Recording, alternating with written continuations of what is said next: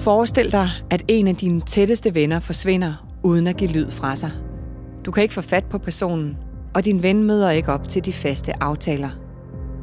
Det var den situation, et par veninder stod med i 2013, da de ikke kunne få kontakt med deres 45-årige veninde. Politiet vil i første omgang ikke gøre noget, da der kan være mange grunde til, at et voksen menneske forsvinder uden at give lyd fra sig. Ofte vender de tilbage inden for en kort periode med en for dem god forklaring. Sådan startede sagen om kvinden i containeren, som du nu skal høre om. Denne sag havde desværre ikke en lykkelig slutning, som veninderne og politiet havde håbet på. Faktisk det helt modsatte. Det viste sig endda, at drabsvåbnet var af en så modbydelig slags, at ingen fagfolk har set det brugt, hverken før eller siden. Til at fortælle om sagen i denne episode har jeg talt med tidligere drabschef Ove Pedersen, kriminaltekniker Bent Hytholm Jensen, professor i retsmedicin Hans Peter Hågen og advokat Mette Grits Dage. Mit navn er Stine Bolter. Velkommen til podcasten Danske Drabsager, fortalt af de fagfolk, der har været helt tæt på. Pædagogerne undrer sig og kan ikke forstå, hvor moren bliver af. Hun plejer aldrig at komme for sent de to dage om ugen, hvor hun skal hente sin datter fra SFO'en. Det er de eneste to dage samvær, hun har, og det betyder meget for hende. Tiden går, men moren dukker ikke op, og pigen må se frem til en aften uden sin mor. Veninderne undrer sig og kan ikke forstå, at kvinden ikke overholder sine aftaler. Uden svar og efter lang tids venten låser den ene veninde sig forsigtigt ind i lejligheden. Hun kan med det samme se og lugte, at noget er helt galt. Der er rod i hele lejligheden, gulvet er glat overalt, i badeværelset ligger en tom olieflaske i håndvasken, og en fæl lugt af noget kemisk rammer hende med det samme. Anmeldelsen om den forsvundne 45-årige kvinde lander i første omgang hos Københavns Vestegns politi. De missede aftaler, ingen kontakt og tilstanden af hendes lejlighed gør, at politiet begynder at arbejde intens på sagen. De første undersøgelser hos politiet viste, at hendes telefon var gået på en mast i nærheden af Roskilde. Det medførte, at Midt- og Vestjyllands politi blev kontaktet, og den daværende drabschef Ove Pedersen hurtigt blev sat ind i sagen. Når, øh, når voksne mennesker forsvinder i Danmark, så er det ikke sådan, at politiet øh, springer afsted med det samme og laver en, øh, en øh, eftersøgning på den måde. Øh, det er selvfølgelig omstændighederne, der afgør det. Men i det her tilfælde, øh, der var man nødt til at, og sådan lige at tænke på, at det var en voksen kvinde. Der kunne være mange ting, som havde gjort, at, at hun ikke lige havde kontakt med veninderne. Hun kunne have, hun kunne have glemt en aftale, hun havde. Hun kunne måske være taget øh, til Jylland, eller et eller andet at fortælle om det. Hun kunne have fået en, en, øh, en ny kæreste, som de ikke lige kendte, som hun gerne ville være sammen med, uden de vidste. Så der skete ikke så meget lige i det første døgns tid. Men da først mønstret bliver brudt øh, på den her måde, så begynder politiet selvfølgelig at arbejde lidt mere intens på at finde ud af, hvad der er sket. På den dag, hvor vi får øh, der et, det er så et par dage efter, at der er vi ude og kigge omkring den mast, hvor, øh, hvor telefonen, den, øh, hendes mobiltelefon sidste gang gik på. Øh, jeg sender et par efterforskere ud for lige at kigge i området, om der skulle være noget øh, mistænkeligt i det her område. Det var der ikke, øh, så vi kunne ikke rigtig gøre så meget i første omgang, ud over at vente. Øh, og, og det er det, vi gør. På et tidspunkt, øh, der, der får jeg så en melding igen fra, fra inden for Vestegnen, at nu har de fundet nogle flere omstændigheder omkring øh, den her forsvinden, og også de har fået lidt mere informationer om kvinden og hendes omgangskreds. Og veninderne har fortalt politiet på Vestegnen om, at hun havde fået en ny kæreste, en mand, som hun havde, skulle have gået i skole med, som hun havde øh, været kæreste med, da hun gik i skole, øh, men først så her for nylig havde mødt igen, og hvor de så var blevet lidt kærester igen. Det, der så øh, var øh, det værste med den her øh, underretning, de har fået, øh, det var, at øh, veninderne var, havde været lidt nervøse for kvinden, øh, på grund af, at øh, de synes at ham her, hendes nye kæreste, han var lidt, øh, han var lidt øh, opfarende, og han, han kunne godt være sådan lidt, øh, lidt ondskabsfuld. Øh, så det ville de jo gerne have, at hun ophørte med det forhold. Men det havde hun måske også til sinds at gøre, men hun ville i hvert fald ikke gøre det over telefonen. Så hun ville nok mødes med ham igen en sidste gang. Og det er så det, som man måske tror, der er sket i det her tilfælde. Ude i lejligheden, øh, hvor hun boede, der havde veninderne været inde, og der havde de så set, at øh, der var forsvundet nogle ting fra lejligheden. Der var nogle ting, der var væk fra lejligheden, blandt andet hendes computer var væk. Øh, og så havde var der sket et eller andet med, man havde hældt noget madolie og noget terpentin ud i lejligheden, og forsøgt at tænde ild på det med en kogeplade, som så var, der var sort øh, og sodsværdigt, men der havde ikke været nogen ild, der havde kunne få ild. Og det er jo en, en forfærdelig oplevelse at køre videre med, øh, både for dem, også politiet tager det jo også alvorligt, øh, øh, når man får sådan en oplysning. Og det betyder så, at man begynder at lede efter ham her, øh, ham kæresten, som jeg fortalte. Og øh, han er ikke sådan lige at finde, men øh, man, man finder ud af, at, øh, at han faktisk har øh, lavet sig indlægge på Psykiatrisk Hospital ud af Roskilde på fjorden. Og øh, det betyder så, at øh, der vil man køre ud og, og, og prøve at finde ham. Og på et tidspunkt, så, øh, så får vi jo sådan set øh, navnet på, på ham, som, som de øh, øh synes var mistænkeligt det her. Det var en mand, som øh, boede i vores politikreds, nord i kredsen, og han var gift og havde øh, tre eller fire børn. Vi gør ikke noget i første omgang, øh, men øh, vi venter på, at, øh, at man får kontakt med ham, som de synes var mistænkelig, og ham finder Vestegnen ude på, ude på det her psykiatriske hospital. Han øh, erkender sådan set rimelig hurtigt, at, at øh, han øh, kender hende, at han har været sammen med hende, og også at øh, han øh, har været sammen med hende for nylig. Og øh, man spørger selvfølgelig, øh, hvor har du været sammen med hende? Og det fortæller han så, og det er så i en campingvogn, som står øh, på en øh, sådan en øh, opladsplads for, for campingvogn øh, nord for Roskilde, meget tæt på den her mast, øh, telefonmast øh, eller mobilmast, som vi vidste, at hendes telefon var gået på.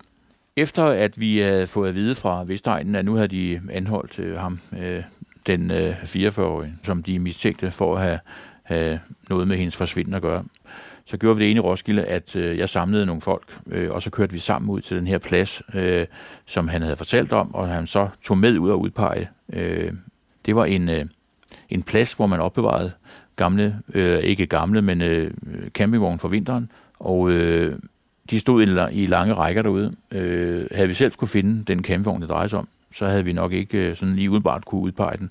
Men han udpegede campingvognen derude, øh, og jeg gik selv frem ind på pladsen og tog et billede af rækken, sådan at vi bagefter vidste, hvordan den havde stået og hvor, øh, hvordan den så ud. Og det sendte jeg så ind til på politistationen, hvor de så kunne bruge det til at fastlægge, om, øh, om der var andre ting på pladsen, som var interessante for os.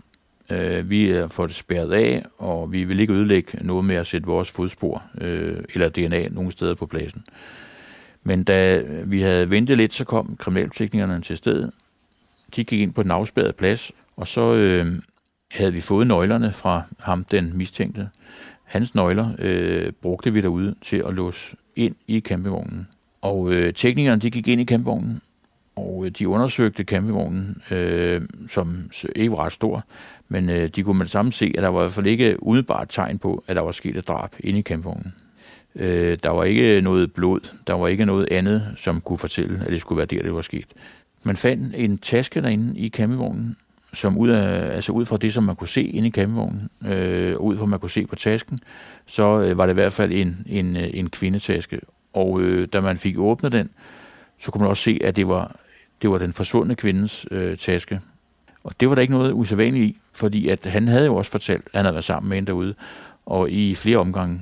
Og øh, det, der var vigtigt for os med den taske og med indholdet, det var, at i tasken, der lå der øh, en billet, som hun havde brugt i weekenden, den weekend lige før, hvor hun havde været i Aarhus. Den øh, togbillet, den lå nede i tasken. Og det fortalte os så, at det var ikke noget, øh, en taske, der var, havde ligget der længe. Den var kommet her for ganske nylig. Det var i hvert fald en indikation på, at, at, øh, at det var den forklaring, han havde givet, at hun havde været i campingvognen for nylig. Men der var ikke spor af hende i campingvognen. Øh, ude på Vestegnen, der, der kørte de jo så videre med at afhøre ham her, den, den, den mistænkte. Og øh, han vil fremstille grundlovsfører, øh, sigtet for drab. Og ude hos os, øh, ude i Roskilde, der kørte vi jo så videre med at afhøre de mennesker, øh, både ude omkring det sted, hvor, hvor vi måske troede, at hun var slået ihjel, ude om ved campingvognene, Der afhørte vi de mennesker, der var derude. Det var et, et sted, hvor der ikke var ret mange øh, beboelser. Der var ikke nogen, der havde set nogen. Der var ikke, der havde hørt noget. Så det var ikke der, vi fik hjælpen. Den teori, som vi havde om, at, at øh, han øh, skulle have slået hende ihjel ude i den her campingvogn, den havde vi i første omgang ikke noget vi havde ikke, øh, kunne ikke bevise, at vi kunne ikke engang sådan, øh, komme tættere på, at, at øh, den mistanke, vi havde, den kunne underbygges. Men øh, alligevel så dommeren, han mente jo øh, i forbindelse grundlovsforhøret, at øh, det var nok til, at, at han kunne øh, blive fængslet, øh, sigtet for øh, i hvert fald øh, kvindens forsvinden. Ude på området derude, og i dagene efter, eller i dagen efter os, øh, der blev hele området det blev eftersøgt med politihunden. Det var selvfølgelig et forsøg på at finde, øh, hvad var der sket. Havde han øh, slået hende ihjel i campingvognen, havde han så kørt væk derfra og havde smidt livet i en grøft eller i en skov, eller hvad der nu måtte være i nærheden. Det var tæt på Roskilde Fjord. Vi var også ude og kigge omkring øh, ved Roskilde Fjord, for at se, om der var noget der. Der var ikke noget, som fortalte os, at, at, øh, at det var den måde, det var sket på. I forbindelse sammen, faktisk samtidig med, at, at øh, man, man, øh, man afhører manden, og han senere bliver fremstillet i grundlovshør, der arbejder vi jo videre med øh, at sikre os nogle, øh, nogle øh, forklaringer omkring med, hvem er han, ham manden. Og øh, da, vi gør det, at vi afhører alle, alle, som har kendskab til ham. Vi får kontakt med en, en ung fyr, som fortæller, at, øh, at øh, fredagen før, der øh, var der en af mandens øh, søns kammerater, som var blevet lukket ud i skoven af ham her, øh, den 44-årige. Øh, og det satte selvfølgelig nogle tanker i gang i vores hoved, fordi øh, var det derude, han havde været ude at grave øh, livet ned, eller efterladt livet ude i skoven. Så på den måde var det jo interessant at få den oplysning. Men øh, den historie, vi så fik fra ham her, den unge, den unge mand, det var, at, øh, at øh, han var blevet lukket ud i skoven øh, under påskud af, at de skulle lave noget arbejde sammen. Og det øjeblik, at øh, han kom ud i skoven, der får han sprøjtet noget sort øh, spraymaling øh, i øjnene, og straks derefter bliver han, øh, der bliver han øh, slået med, eller øh, i hvert fald forsøgt øh, slået meget med en spade. Det lykkedes for ham her, den, øh, den unge mand, som var omkring de 30 år. Øh, han øh, fik flygtet fra stedet derude. Øh, han kom hen til sin bil, og det øjeblik, han satte sig ind i bilen, så øh, kom øh, ham den 44-årige og knuste forruden på bilen, øh, hvor han øh, forsøgte at slå ham i hovedet med den her spade. Han kom ud af sin bil igen, og så flygter han ind i skoven øh, og får sidenhen øh, kontakt med nogle øh, beboere i et hus tæt på skoven. Efterfølgende, så, øh, så ham den 44-årige mand, han, øh, han lader sig indlægge på, på hospitalet, på det psykiatriske hospital. Og det er så der, hvor politiet finder ham øh, øh, et par dage efter. Men han har faktisk ikke været der øh, hele perioden op til. For han har været væk. Han lå sig selv udskrive rimelig hurtigt fra hospitalet igen. Øh, og så først, hvor han øh, efter han har haft kontakt med, med den forsvundne kvinde, så lader han sig indlægge igen derude. I forbindelse med, at man anholder øh, ham den 44-årige ude på et psykiatriske hospital, der finder man hans bil, og øh, den øh, går man selvfølgelig i gang med at undersøge. Der bliver, den bliver sikret, sådan at kriminalteknikerne de kan undersøge den, øh, og man har været brugt den til at transportere lige i. Øh, og selve området omkring, hvor bilen bliver fundet, og også området ude i skoven, det bliver undersøgt med politihunden. Vi når ikke så meget i det her forløb. Øh, vi får i hvert fald øh, lave en, en plan for øh, nogle store områder, der skal, der skal afsøges med hunden. Men der sker det, at øh, vi spørger ham, øh, eller en af de andre øh, kammerater også, øh, dem arbejder vi også videre med at afhøre. Og øh, der var så en af de her, som kunne fortælle, at han vidste, at han havde en container, som stod på en øh, containerplads oppe nord for Roskilde i nærheden af, af faktisk kredsgrænsen til indtil mellem øh, Nordsjællands politi og Midt- og politi op i, øh, i Værbro, tæt på Jyllinge og Ølstykke. Vi sendte straks øh, to øh, øh, efterforskere ud til stedet sammen med, med det her vidne, som øh, mente, at han kunne udpege containeren.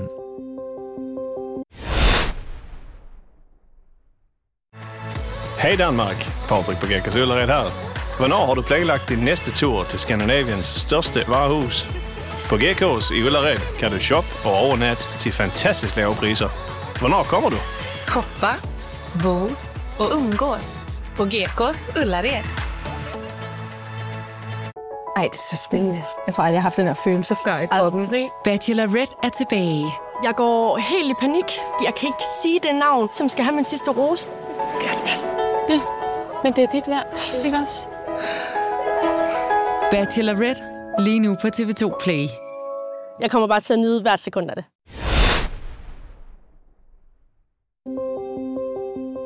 På en containerplads i Nordsjælland sætter efterforskerne nøglen i låsen på en halvrusten container.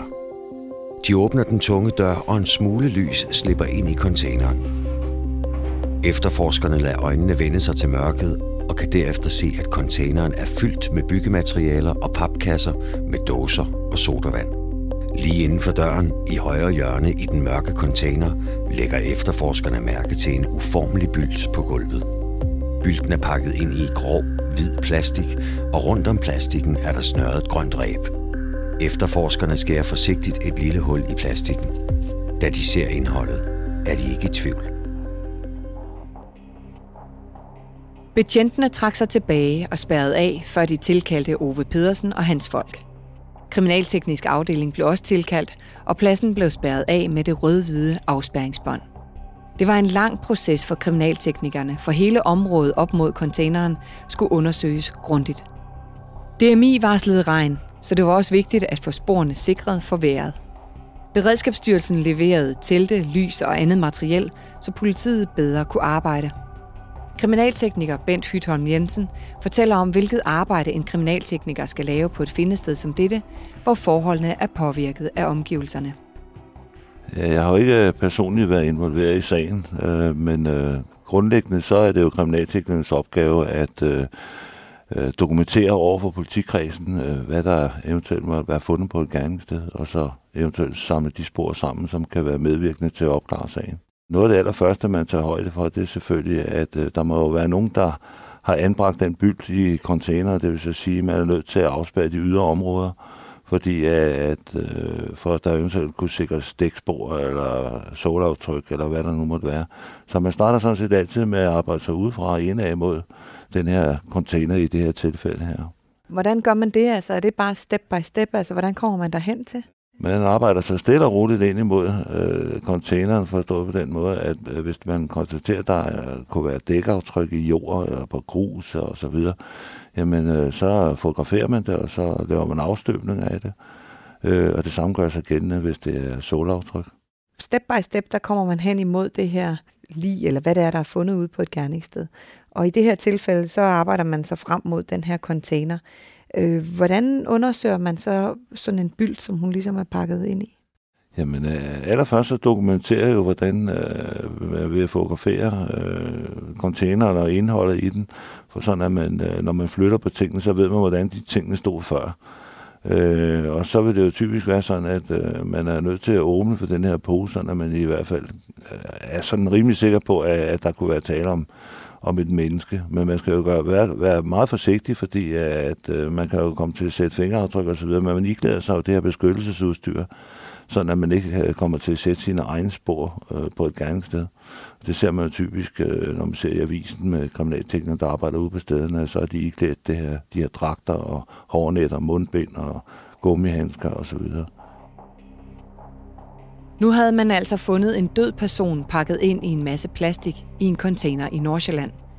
Man havde en lejlighed, som var forsøgt brændt ned på Københavns Vestegn. En kvinde, der var forsvundet, men hvis telefon sidst var gået på en telemast nær en campingvogn i Midt- og Vestjylland. Politiet havde fængslet en mistænkt. Men stod han bag kvindens forsvinden og død? Drabschef Ove Pedersen fortæller, hvordan han fulgte sagen tæt. Teknikerne de sikrede alle de spor, der var hele vejen frem mod, mod containeren. De sikrede dækaftryk, og de tog øh, gipsafstøbninger af, af solartryk fra, fra sko.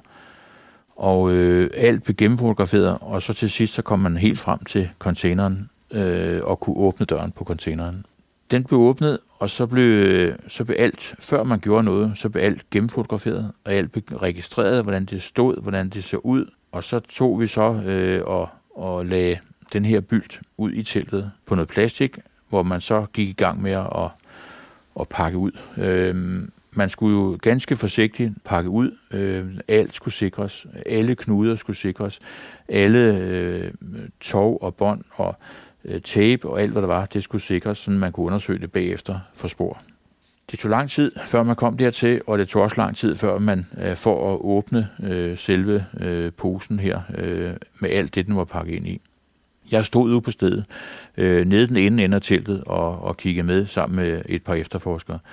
Det er sådan, at der er altid efterforskere til stede, øh, når teknikerne de arbejder på den her måde, så at vi er klar til at, øh, at tage de ting, som udbart øh, kræver en undersøgelse. Det kunne være en mobiltelefon eller noget andet, som de så kan række bagud, som vi kan sende videre til, til undersøgelse. I det her tilfælde, der stod, øh, bestod registreringen af den her byld også med øh, de forskellige lag. Hvad var det for noget? Øh, altså, var det, var det noget, man havde ude at købe? Kunne man se, det var noget, der var købt? Eller var det noget, der stammede fra noget, som vi måske kunne finde resten af et eller andet sted? I det her tilfælde, så var det sådan en hvid, øh, jeg kalder det en, øh, et festivalpavillon, øh, en firkantet øh, pavillon, øh, og det var det teltdu, som hun var pakket ind i yderst. Der var også noget sort plastik, og så var der også et, et, et hvidt stykke stof, øh, eller et tæppe, og man må, øh, det kunne godt tyde på, at det var et, et stort tæppe. Og så øh, var der det, at øh, da man så kom helt ind og fik pakket det hele ud, så kunne man så også se, at, at øh, man kunne godt se, at det var en, øh, en man kunne se, først kunne man se, at det var et menneske. Øh, det var et dødt menneske, og vi kunne også godt se, øh, hen ad vejen kunne vi konstatere, at det var en død kvinde. Men vi kunne ikke konstatere, at det var, det var den forsvundne kvinde. Det var vi ikke i stand til at se på stedet derude. Det, man kunne se på stedet derude i forbindelse med, at man fik pakket ud, det var, at omkring benene øh, og hen over ansigtet, der var der viklet sådan noget husholdningsfilm.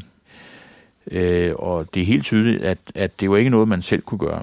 Øh, og der var også nogle ting i forbindelse med, med undersøgelsen, som man ikke øh, kunne, øh, man kunne ikke se sådan udebart, hvad det var for noget. Lidt senere i processen, der blev der så tilkaldt øh, en øh, vagthavende retsmediciner, som også kom ud til stedet, hvor man så øh, lavede det, der hedder en findestedsundersøgelse, som er en udebart øh, undersøgelse af livet på gerningsstedet. Det vil sige for at konstatere, hvordan ser det ud, øh, som det er fundet på gerningsstedet. Det er det, som man kan betragte som et ligesyn, øh, som vil ske øh, på hospitalet i andre henseender. I sådan en undersøgelse, der er det selvfølgelig retsmedicineren, der forestår det, og så assisteret af en efterforskningsleder og en kriminaltekniker. Man laver et, øh, et skøn ude på stedet og omkring med en eventuel dødsmåde og en dødsårsag. Og det gør man ud fra de ting, man ser. Øh, og det foregår alt sammen på den måde, at alle er iklædt øh, øh, dragter og mundbind og handsker, øh, for ikke at forurene med, med sine egne spor. Det, som øh, man kunne, som det første kunne se, øh, da man kom frem til øh, at skulle undersøge livet meget nøje, det var, at, at øh, den, den døde kvinde, hun havde noget grønt omkring munden. Det var svært for os at se, hvad det var. Øh, det fyldte hele hendes mund, og det var stift. Øh, det var et forfærdeligt syn, øh, og det var det var rystende på en eller anden måde, fordi at det, man, kunne, man kunne ikke sådan udenbart konstatere, hvad det var, men man kunne godt sådan i sit hoved forestille sig, øh, hvad det kunne være, og øh, hvordan det havde været at, at, at, at få det her ind i munden. Da indholdet af bylden viste sig at være en død kvinde, blev retsmedicineren tilkaldt.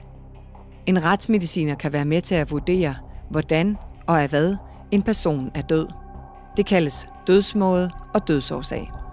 Dødsmåder er altid enten naturlig død, en ulykke, selvmord eller drab.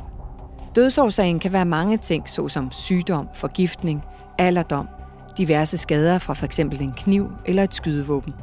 Professor i retsmedicin Hans Peter Hågen har stået med over 10.000 døde og skulle vurdere dødsmåder, dødsårsager og dermed hjulpet politiet i mange sager.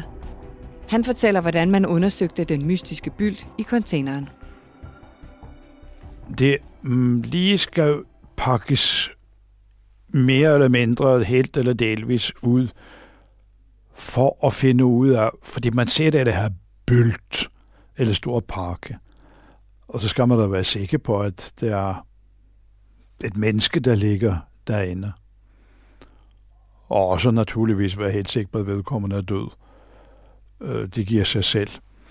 Øh, og så det næste – prøve at finde ud af, hvad denne person død af?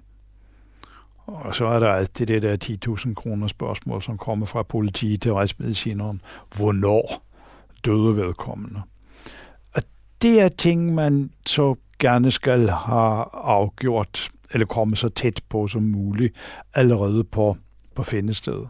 Altså politiet vil jo gerne i gang så hurtigt som muligt med de videre øh, undersøgelser. Og der skal de have så mange oplysninger, som det nu kan lade sig gøre, og give dem så tidligt som muligt.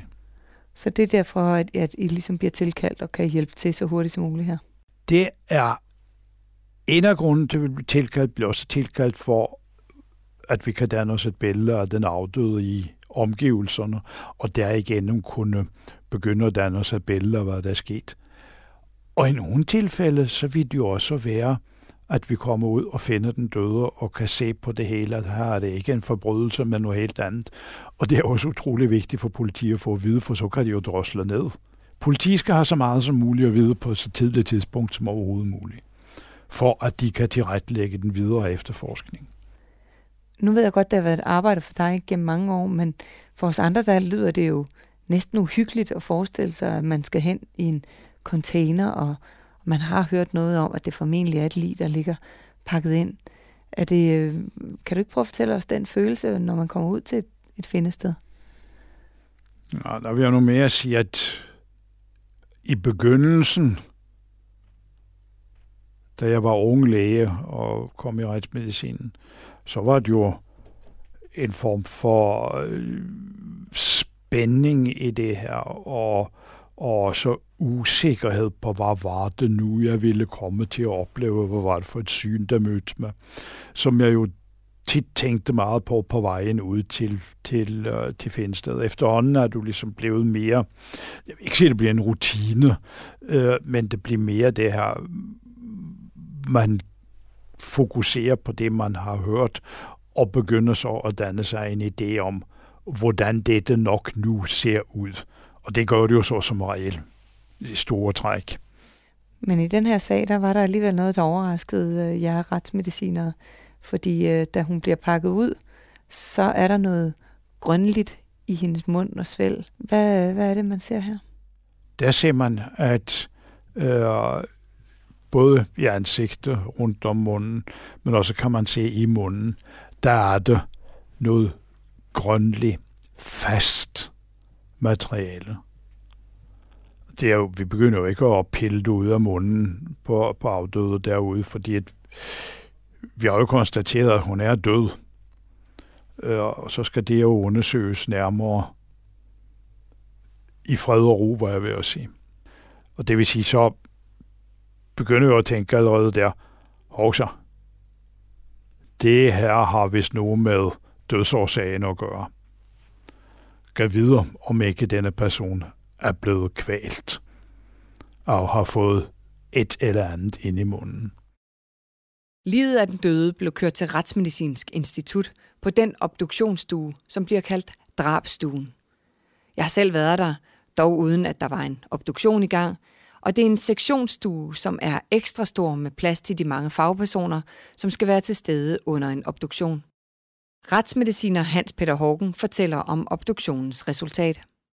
Obduktionen viste, vi havde jo allerede begyndt at, at ane, hvad det kunne mm, øh, gå i retning af. Men det var jo en stor overraskelse for os, da vi fandt ud af, hvad det var. Øh, hun havde simpelthen hendes mund og svælg og så ned spiserøret, som var fyldt med øh, fugematerialer. Altså sådan på, på spraydåse, som man fuger rundt om vinduer. Øh, og det var fyldt, og det var som også nogen nede i mavesækken. Det der er noget så skum, som når du bliver sprøjtet ind, så udvider det sig. Og det har hun altså fået sprøjtet ind i munden og svælger. Og på den måde var hun kvalt. Og det er altså ikke hverdagskost at se den slags. Så hun var altså kvalt ved at have fået sprøjtet fugeskum ind i mundens vælge. Og det var jo vigtigt for jer at finde ud af, om det var sket i live, eller... Øh, eller efter døden. Eller efter døden var indtrådt. For det første kunne vi ikke finde noget andet, der kunne forklare, at hun var død. Uh, for det andet uh, uh, var det også, at lungerne var mere luftfyldte, end de normalt vil være, hvis man er død af noget helt andet. Øh, og så kunne man også ane, at der var nogle mærker på, øh, på slimhinden i svælge, uh, øh, som helt klart viste, at her var det noget, der havde presset på i live, altså små blodudtrædninger, som viste, at det her, det var altså sket i live. Og så var det kommet hele vejen ned i, i, i mavesæk. Hun havde altså også sunket det. Det er en barsk død. Det må man sige. det er, det er det virkelig. Altså, hun er blevet kvalt i fugeskum. Når der er noget, der spærrer for lufttilførselen, altså noget inde i personen. Det vil jeg for eksempel, hvis man nu får proppet en klud ned i halsen, øh, det der på engelsk hedder gagging, øh, og øh, så er der altså det, er det indre spærring, for der er nu inde i kroppen, der spærrer. Ydre spærring, det er for eksempel, hvis man får lagt en pude over ansigtet, øh, eller en hånd over mund og næse. Øh, det er ydre spærring. Og de øh, kvæstelser, som der så kommer på, på vedkommende, der kan I se forskel på, om det har været ydre eller indre spæring, ikke? Vi kan jo se indre spæring, så vil det jo normalt være noget indeni. Altså det kan jo også være for eksempel, at man bliver kvalt i kødstykker, øh, pølse, altså et eller andet mad, så finder man jo det i svælger. Her i dette tilfælde var det jo altså så fugeskum. Øh, så finder man det inde i. Hvis der er ydre spæring, altså hvis man nu har fået, fået en, en, en pude over ansigtet, og den pude er taget væk bagefter, jamen så kan man jo ikke se puden, vel? Men så kan man se spor efter den normalt med små blodudtrædning på indersiden af øh, over underlæben, hvor det er blevet presset mod, mod tandkød eller fortænden. Øh, hvis der er indre spæring, jamen, så ser du det, der spærrer. Og nogle gange kan man også se, at der er kommet små blodudtrædninger nede i svælge, der hvor det, der spærrer, har presset mod. Hvordan kunne I se, at det var det, der havde slået hende ihjel? Ja, det var to grunde til, at vi kunne se det. For det første, så kunne vi ikke finde noget andet nogle andre forandringer, der øh, kunne forklare øh, øh, dødens indtræden. For det andet, så kunne vi se, at øh, der var små blodudtrædninger i svælge, øh, som helt klart viste, at det her fugeskum havde presset så meget mod slimhinden, at det var kommet disse små blødninger, og det skal i live, det skal ikke, når man er død. Resultaterne fra de retsmedicinske undersøgelser var vigtige for efterforskerne, og drabschef Ove Pedersen læste med interesse obduktionsrapporten. Ved obduktionen inde på Retsmedicinsk Institut, øh, der var det sådan, at øh, man kunne konstatere, at, øh, at kvinden havde fået sprøjtet fugeskum ind i munden, mens hun stadigvæk var i live. Man kunne også konstatere, at hendes arme de var låst fast øh, med plastikstrips, så hun ikke har haft mulighed for at modsætte sig noget som helst på den her måde, hvor hun er, har fået sprøjtet det her ind. Og vi tænkte jo alle sammen, at det var en forfærdelig måde at dø på. Nu havde vi så et liv, vi havde en dødsretssag, vi havde en dødsmåd, øh, og vi havde en mistænkt. Øh, opgaven for os, det var så efterfølgende at finde ud af, hvad det egentlig var, der var foregået. Om mandagen, øh, der startede vi igen på øh, efterforsk på sagen, og øh, der sker jo så det, at øh, der var masser af løse ender, som, skulle, som skulle, man skulle samle op på. Blandt andet skulle vi have et fuldstændigt billede af, at øh, hvordan de her to mennesker øh, var mødtes, og øh, hvor meget de kendte til hinanden og deres omgangskreds. Øh, havde der været andre med i forbindelse med det her? Havde han fået hjælp til det, han havde lavet? Eller hvordan og hvorledes var det sket? Vi skulle også finde ud af, øh, hvad havde han transporteret livet i øh, fra campingvognen og ud til containeren. Øh, det var ikke nogen længere afstand, øh, men det var alligevel øh, lidt besværligt at, at få bakset et øh, dødt menneske ud af en campingvogn. Øh, viklet ind i forskellige øh, plastikposer og øh, teltdu og hvad der ellers var. Og så i en bil frem til den her container. På pladsen skulle man også have bakset lid ind i containeren.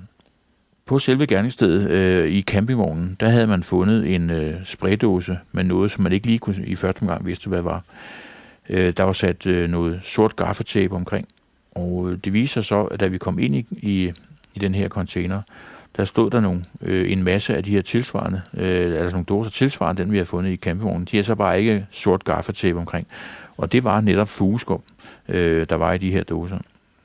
Det er sådan en, øh, en type skum, som man, øh, man opbevarer det på dåse i væskeform, og så når man så skal øh, bruge det, så bliver det sprøjtet ud igennem sådan et langt sugerør, vil jeg sige. Det ekspanderer kraftigt og størkner, og så bliver det meget hårdt efter omkring 20 minutter.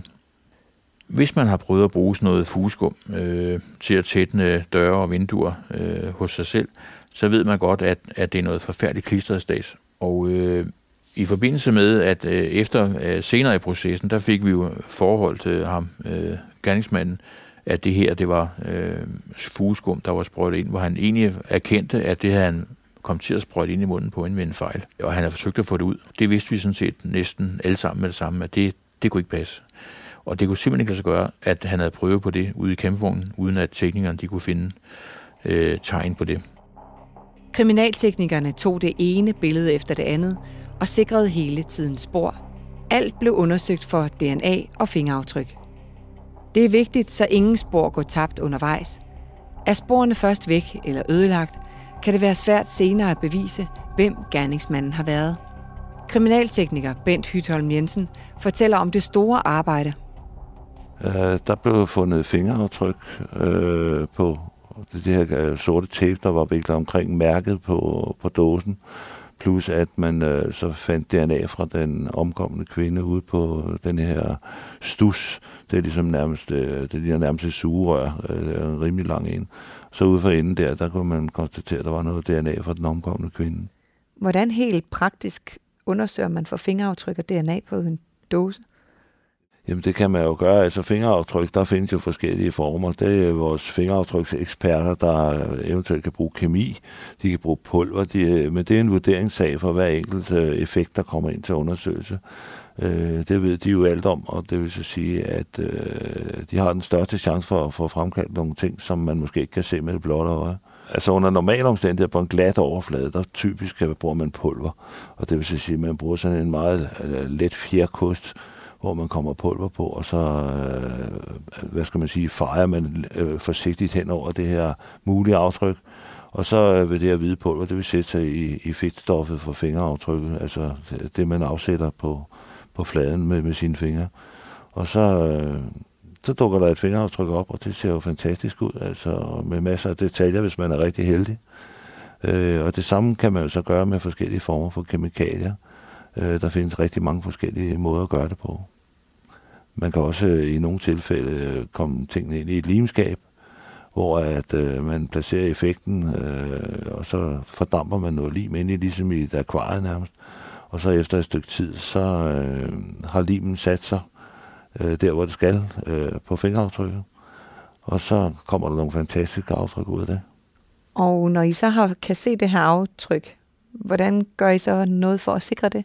Jamen, øh, man kan affotografere det, hvis det sidder på et sted, hvor det er umuligt at trække af på øh, det, der hedder en hen. Men øh, hvis det er glatte flader, så tager man typisk en gelatinehinde øh, og trækker det af. Det er sådan, hvad skal man sige, med en klæbrig overflade. Og så fotograferer man det efterfølgende med en målstok, så man har et målfast foto.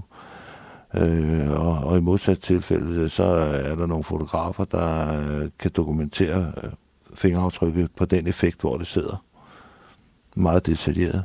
Og med hensyn til DNA'en der, der laver man aftørringer med, med vatpinden, øh, med, med en enkelt dråbe destilleret vand på, og så øh, bruger man to vatpinde, og så laver man aftørringer. Øh, og så sender man det ud til retsgenetisk afdelingen, som jo er super dygtig til at, at lave DNA-profiler. Det er midt om natten. Langt de fleste mennesker sover. Men ikke den 44-årige mand, han er lysvågen og ser på uret i campingvognen. Klokken er vist omkring 03.30. Stille tager han sit tøj på for ikke at vække den 45-årige kvinde. Efter 20 minutters kørsel står han på Shell-tanken. Tankpasseren og ham kender hinanden, og selvom han ikke har penge på lommen, får han lov til at skylde for de varer, han gerne vil have. Med vin og brød, et par smurte rundstykker og et par energidrikke kører han tilbage til campingvognen. Tilbage til den kvinde, han få timer før har haft sex med. Men som han få timer senere vil slå ihjel. Kriminalteknikerne arbejdede videre for at sikre så mange beviser i sagen som muligt. Drabschef Ove Pedersen og hans folk fortsatte samtidig med at lægge brikkerne og blandt andet finde ud af, hvordan de to kendte hinanden. Vi begynder at samle et billede af, af manden, af gerningsmanden. Vi begynder også at samle et billede sammen med kvinden. Og øh, vi begynder så at få en idé om, øh, hvordan det her det kunne øh, være foregået. Vi får ikke nogen rigtig forklaring fra manden på noget tidspunkt. Øh, Udover at han selvfølgelig ved meget tidlig i processen har fortalt, det var rigtigt, at han havde været sammen med en i campingvognen. Øh, han erkender jo så også efterfølgende, at han har, han har øh, kommet til at sprøjte det her øh, fugeskum ind i munden på hende, at det skulle være flødeskum. Og øh, vi får ikke rigtig nogen forklaring på, øh, hvorfor der så ikke er fundet en flødeskum, øh, en dåse med flødeskum i campingvognen. Han fortæller, at de har mødtes øh, tilfældigt i et butikscenter, og øh, de har så aftalt, at de skulle drikke kaffe sammen. Og så på den måde var kontakten start, øh, skabt igen mellem de her to mennesker, som kendte hinanden fra skoletiden. I forbindelse med, at vi undersøger øh, omkring med kvindens øh, forhold, så spørger vi selvfølgelig også øh, øh, veninderne om, hvordan hun havde det med, at, altså om hun var til noget, øh, en, en eller anden speciel form for sex, som havde betydet, at hun skulle have... Øh, at øh, sprøjte øh, flødeskum eller andet ind i munden. Og det forklarer de meget nøje, at det var hun slet ikke til. Altså, det var slet ikke hendes noget. Men øh, man kunne så konstatere, at ude fra hendes lejlighed, der var der, der var der forsvundet ting. Så øh, vi havde jo også i tankerne, at det kunne være noget omkring med et eller andet, hvor han ville berige sig, at det vil sige, at han kunne stjæle hendes ting, eller noget af den stil. Øh, det var faktisk sådan, at vi fandt nogle af de her ting fra kvindens lejlighed. Den fandt vi hjemme på den anholdte bopæl. Altså det var han boede med sin hustru og børnene. Og der lå de gemt ude i et skur. Vi fik dan også et, et, rimelig, et rimelig godt billede af ham her, den anholdte. Øh, og øh, vi tænkte mange gange på, hvad, hvad det var. Øh, hvad det var for noget, vi havde været øh, vidne til her. Øh, og jeg tror, det, det bedste som betegnelse på det, det var, at det var en gal mands værk. Øh, og i det, der nok var aller værst, det var, at det, øh, det tydede meget på, at det var noget, der var planlagt. Efterhånden, som, som vi får fastlagt sådan omstændighederne omkring med, øh, omkring med ham, de forskellige personer i sagen, så begynder vi også at interessere os lidt for de spor, som er fundet.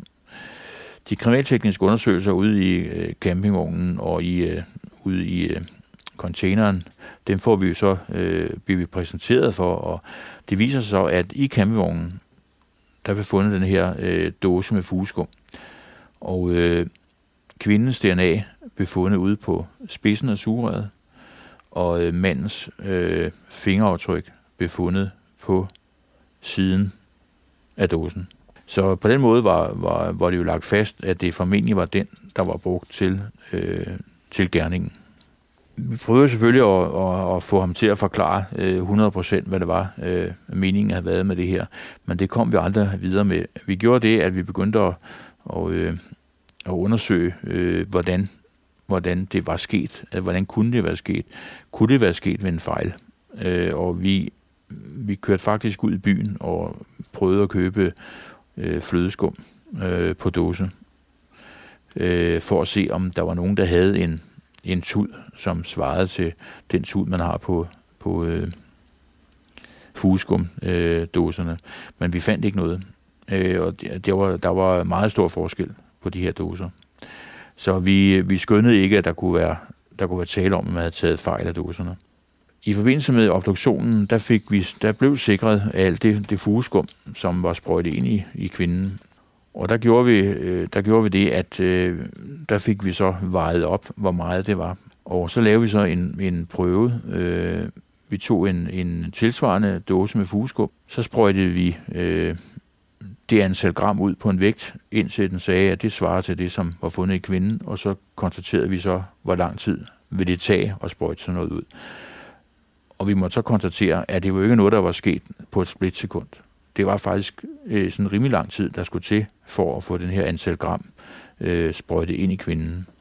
Og det var sådan igen et eller andet, der fortalte os, at det var ikke bare noget, der var sket med en fejl, og det var ikke noget, der bare var sket i et splitsekund. Det var noget, der havde taget øh, i hvert fald nogle sekunder at gøre. Det var jo så øh, en fugeskumdåse, som vi måtte betragte som gerningsvåbnet, og det betød selvfølgelig, at, at, at den fik en, en væsentlig betydning for sagen. Vi, øh, vi lavede de her rekonstruktioner, øh, hvor vi prøvede at sprøjte det ud, og vi prøvede også at, øh, sådan at, at sammenligne dåsens øh, øh, udformning med dåserne i med, med flødeskum, og øh, beskrev, øh, hvordan der var forskel på de her, sådan at man sidenhen, når man kom i retten med sagen, så var man i hvert fald ikke i tvivl om, at, at øh, man ikke sådan i udenbart kunne tage fejl.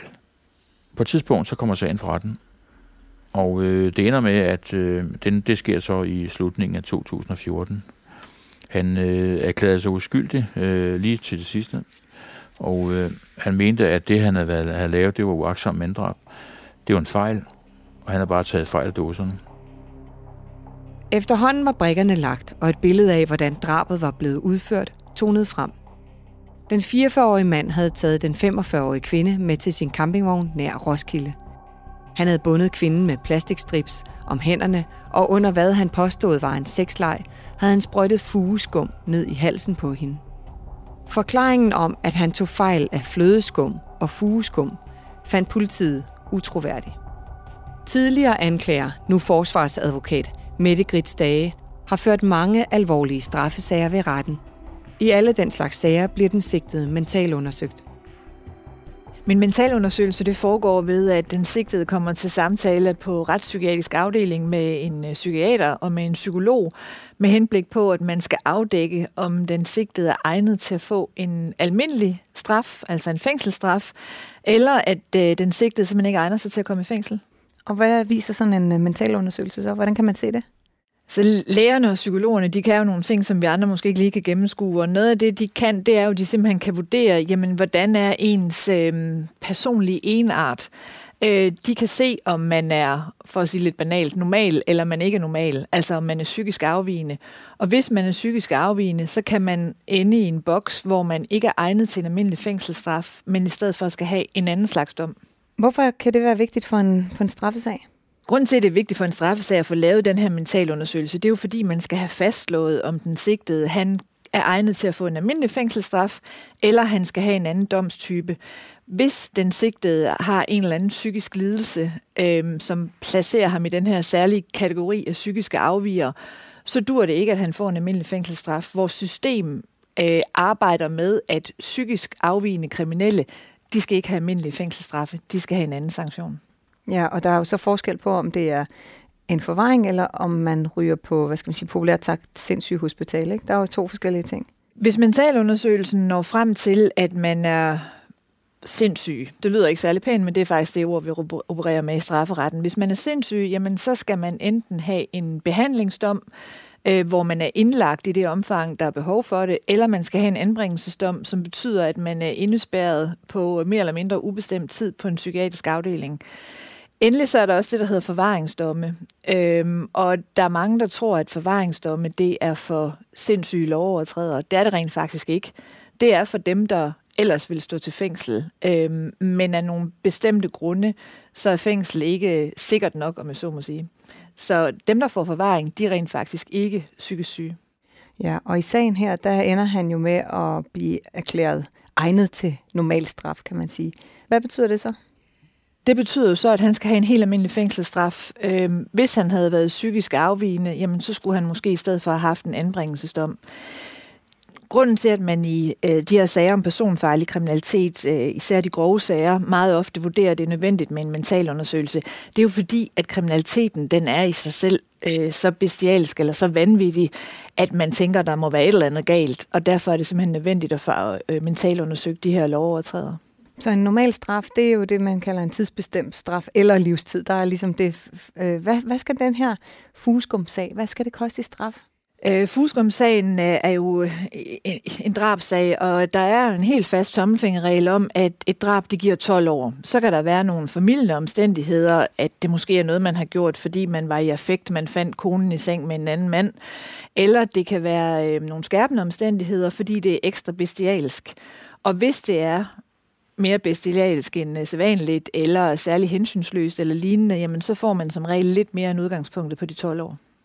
Nu har du jo ikke stået i retten med den her sag, øh, men du kender den alligevel. Hvad er det, øh, der er ligesom talt for og imod, øh, at man skulle have mere eller mindre end 12 år i straf? Altså, de skærpende omstændigheder, der har været i den her sag, som talte for, at man skulle have mere end, end 12 års fængsel, det er jo, at det er øh, sådan et, et relativt bestialsk forhold. Det her med, at øh, den forurettede får øh, fugeskum i munden og, og bliver kvalt, det er jo en grusom måde at dø på. Og det er jo helt sikkert noget, der taler i skærpende retning. Øhm, så er det jo også således, at der er nogle andre forhold, øhm, som ikke er så alvorlige, men som dog kan være med til at få straffen op på mere end udgangspunktet på de 12 år. Hvad er indsagen med? Jamen, øh, anklageren bad jo i den her sag om 14 øh, års fængsel, men det landede altså på udgangspunktet på de 12 år. og jeg har læst mig frem til, at familien synes, at det her var alt for lidt. Han, øh, han fik jo ikke noget for den her vold. Man kan forstå, at han har begået mod en, øh, en ung mand ude i en skov og en bedragerisag.